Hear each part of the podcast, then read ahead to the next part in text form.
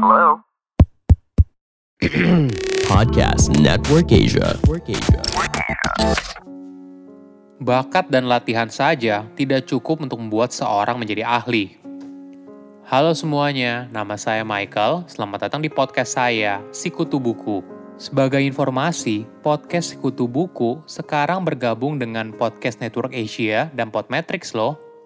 Kali ini saya akan bahas buku Talent is Overrated karya Geoff Colvin. Sebelum kita mulai, buat kalian yang mau support podcast ini agar terus berkarya, caranya gampang banget. Kalian cukup klik follow Dukungan kalian membantu banget supaya kita bisa rutin posting dan bersama-sama belajar di podcast ini. Buku ini membahas rahasia membedakan pemain kelas dunia dan orang biasa. Kenapa ada sebagian orang yang sepertinya sangat mahir di bidang yang mereka tekuni? Kebanyakan orang berpikir ini karena bakat, tapi ini adalah jawaban yang salah. Bahkan untuk keahlian di bidang tertentu seperti catur, olahraga, musik, dan sebagainya. Banyak orang mengira untuk sukses di bidang tersebut butuh bakat alami. Namun yang jauh lebih penting ternyata adalah kerja keras dan latihan terus-menerus yang mengubah segalanya. Ini merupakan latihan yang mengacu pada jenis latihan khusus yang punya tujuan dan sistematis. Saya merangkumnya menjadi tiga hal penting dari buku ini. Pertama, mitos soal orang sukses. Mungkin seperti kebanyakan orang, kamu menghabiskan waktu seharian untuk bekerja. Tapi, apakah kamu menjadi orang terbaik dalam pekerjaan tersebut? Belum tentu. Contohnya begini, seorang akuntan yang bekerja 8 jam sehari selama 20 tahun, belum tentu menjadi akuntan terbaik di Indonesia atau bahkan di dunia.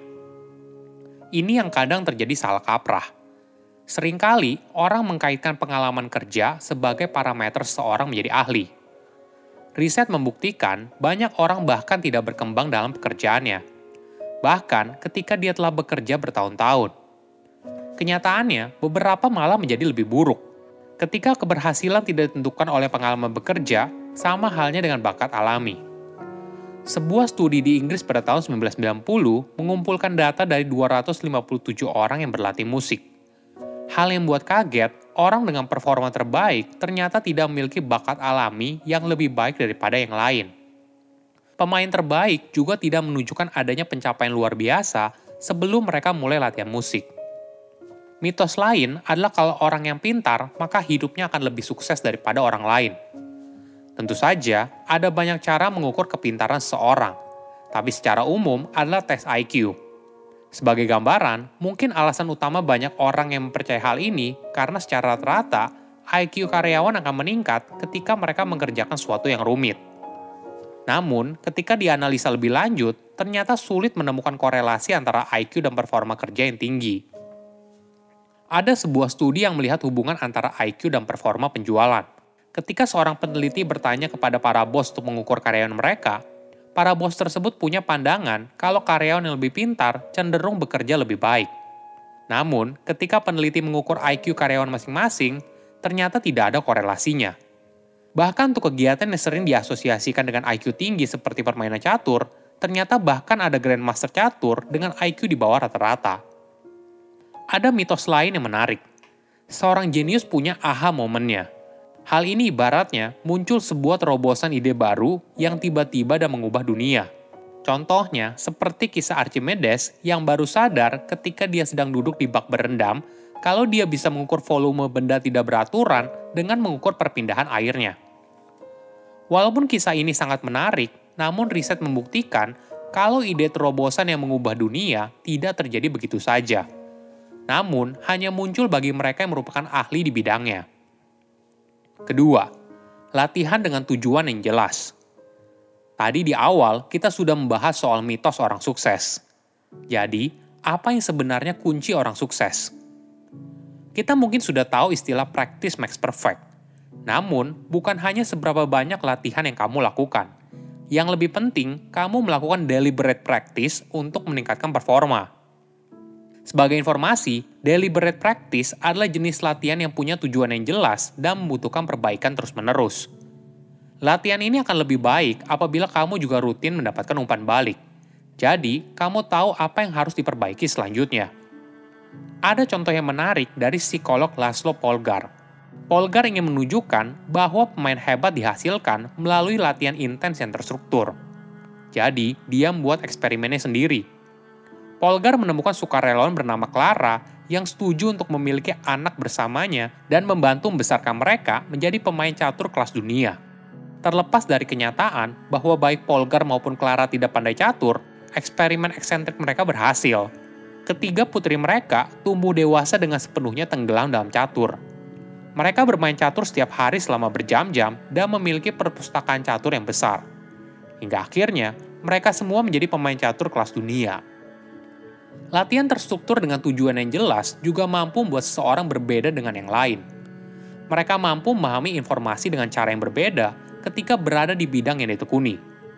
Contohnya begini, beberapa penelitian dilakukan pada pemain tenis papan atas menunjukkan ketika mereka menerima servis, mereka tidak fokus pada bolanya, melainkan mereka akan melihat tubuh pemain lawan untuk mengetahui ke mana arah servisnya, bahkan sebelum bolanya dipukul. Hal ini disebabkan karena mereka telah melatih keterampilan ini dengan menerima puluhan ribu servis. Jadi, dengan isyarat halus berdasarkan posisi tubuh lawan saja, mereka sudah bisa menebak arah bolanya ke mana. Ketiga, memulai deliberate practice. Untuk membuat latihan terstruktur lebih efektif, tips lain yang penting adalah memulai dari awal. Kenapa? Hal ini disebabkan untuk menguasai sebuah kalian tertentu, kamu perlu waktu yang cukup.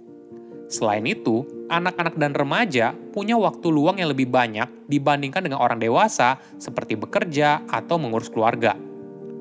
Bukan hanya itu, jika memulai dari awal, dukungan keluarga yang suportif juga penting. Anak yang di kemudian hari memiliki kemampuan luar biasa, biasanya ada orang tua yang percaya dan terus mendukung semua kebutuhannya. Pertanyaannya sekarang seperti ini. Bagaimana bila kondisinya sekarang? Kita sudah dewasa, dan apakah ini artinya kita tidak bisa mendapatkan manfaat dari deliberate practice? Tentu saja tidak. Kamu masih bisa mengaplikasikan prinsip deliberate practice dalam hidupmu, penting untuk tahu tujuan apa yang kamu inginkan dan berkomitmen untuk mencapainya walaupun kondisinya tidak ideal. Ini merupakan dedikasi yang harus kamu korbankan apabila kamu ingin menjadi ahli di satu bidang tertentu. Misalnya, salah satu bapak pendiri Amerika Serikat yaitu Benjamin Franklin punya kecintaan pada dunia tulis-menulis. Ben muda sering menghabiskan waktu untuk menulis baik sebelum atau sesudah hari kerjanya sebagai pegawai magang di percetakan. Bahkan di hari Minggu pun, dia masih terus menulis. Ben sadar dengan cara inilah dia baru bisa menjadi penulis yang hebat. Namun, bukan hanya sekedar latihan. Dia fokus pada bagian yang perlu diperbaiki. Lama-kelamaan, dia jadi semakin mahir dan nalurinya sebagai penulis pun semakin terasa dengan baik. Menjadi seorang yang ahli butuh latihan dengan tujuan jelas sehingga bisa fokus memperbaiki apa yang kurang. Saya undur diri, jangan lupa follow podcast Sikutu Buku. Bye-bye. Pandangan dan opini yang disampaikan oleh kreator podcast, host, dan tamu tidak mencerminkan kebijakan resmi dan bagian dari podcast Network Asia. Setiap konten yang disampaikan mereka di dalam podcast adalah opini mereka sendiri dan tidak bermaksud untuk merugikan agama, grup etnik, perkumpulan, organisasi, perusahaan, perorangan, atau siapa pun dan apa pun.